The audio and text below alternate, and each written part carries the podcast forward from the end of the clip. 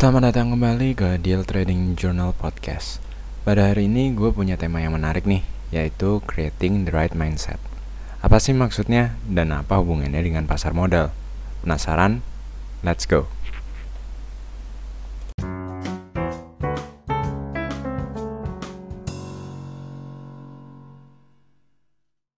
Yang pertama harus lu perhatikan adalah tanya diri lu sendiri, apakah lu seorang investor atau trader?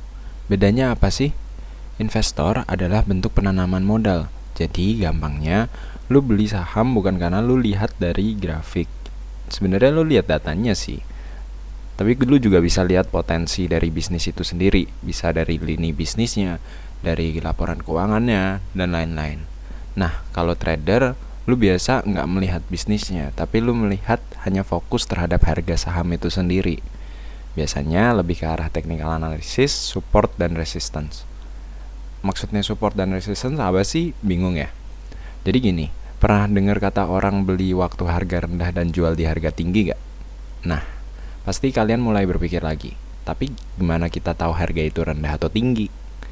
Nah, sebenarnya secara gampang ya, ada yang namanya support dan resistance. Ini bahasa ekonominya ya kurang lebih.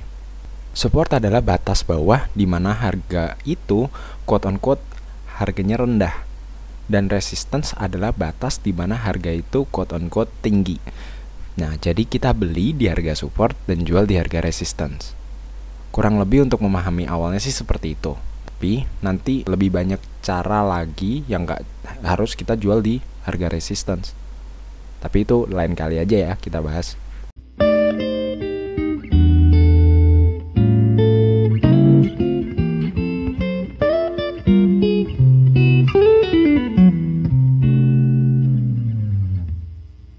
Kalian memilih invest, perusahaan seperti apa sih yang menurut kalian layak untuk diinvestasiin? Personally kalau gue, gue lebih fokus ke trading. Karena gue punya basic yang awalnya itu di valuta asing. Dan gue ngerasa nggak bisa dana gue ditahan untuk jangka panjang. Tapi nggak ada salahnya juga untuk dana kita kita percayakan di suatu perusahaan. Misalnya nih, kita percayain dana kita untuk salah satu perusahaan perbankan. Kan keren juga, kita bisa bilang bahwa kita punya bank itu walaupun mungkin cuma 0,0001% kepemilikannya. Tapi tenang aja walaupun gue punya fokusnya trading doang ntar gue bakal bawain juga teman gue yang fokusnya ke investasi dan mungkin yang fokus ke trading juga. Nah mungkin sekarang kalian udah ada gambarannya kali ya?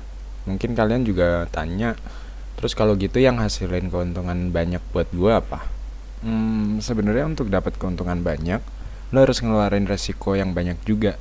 Ini udah dibahas sih sebelumnya di podcast sebelumnya ini episode pertama tentang money management. Tentu kita fokus trading atau investasi satu saham itu kita mencari keuntungan. Tapi yang perlu diperhatikan adalah jika kita mengejar high reward berarti ada high risk yang kita pertaruhkan. Mungkin ada beberapa case di mana kita akan menemukan high rewards dan risknya kecil. Tapi saham seperti ini akan jarang karena kalau misalnya ada, biasanya udah diburu sama orang-orang.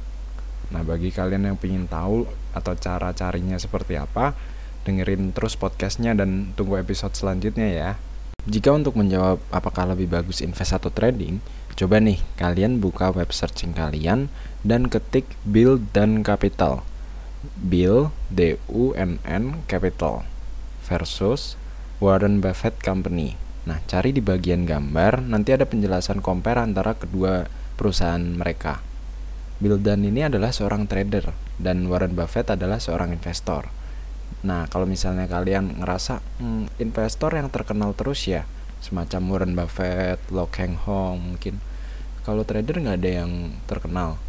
Sebenarnya ada sih, mungkin kalian akan kenal kali kalau misalnya dengar kata George Soros mungkin lebih nggak asing kali ya.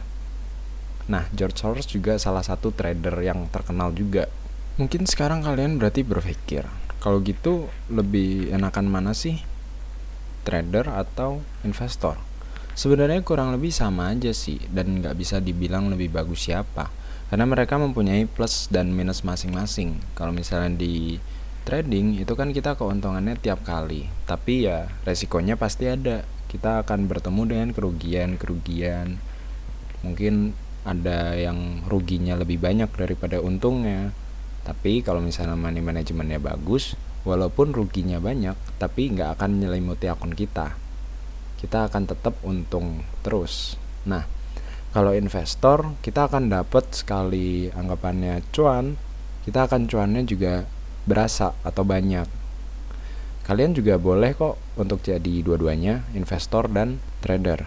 Tapi yang perlu diperhatikan adalah kita harus disiplin terhadap mindset kita sendiri. Karena banyak sekali yang orang-orang yang awalnya punya mindset di suatu saham untuk trading mungkin. Tapi karena rugi berubah jadi investor alias investor dadakan.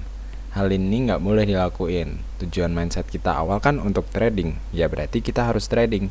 Kalau untuk invest, ya kita invest. Mungkin gampang, mungkin saya bilang begini, tapi sebenarnya saya pun juga masih kadang tuh jadi investor dadakan Nah, bagi kalian yang ngalamin juga, yuk kita belajar bareng-bareng supaya nggak menjadi investor dadakan. Kurang lebih itu dari saya, tapi masih banyak ya yang harus dipelajari.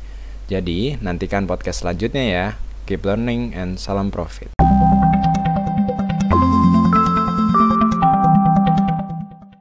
Oh, thank you.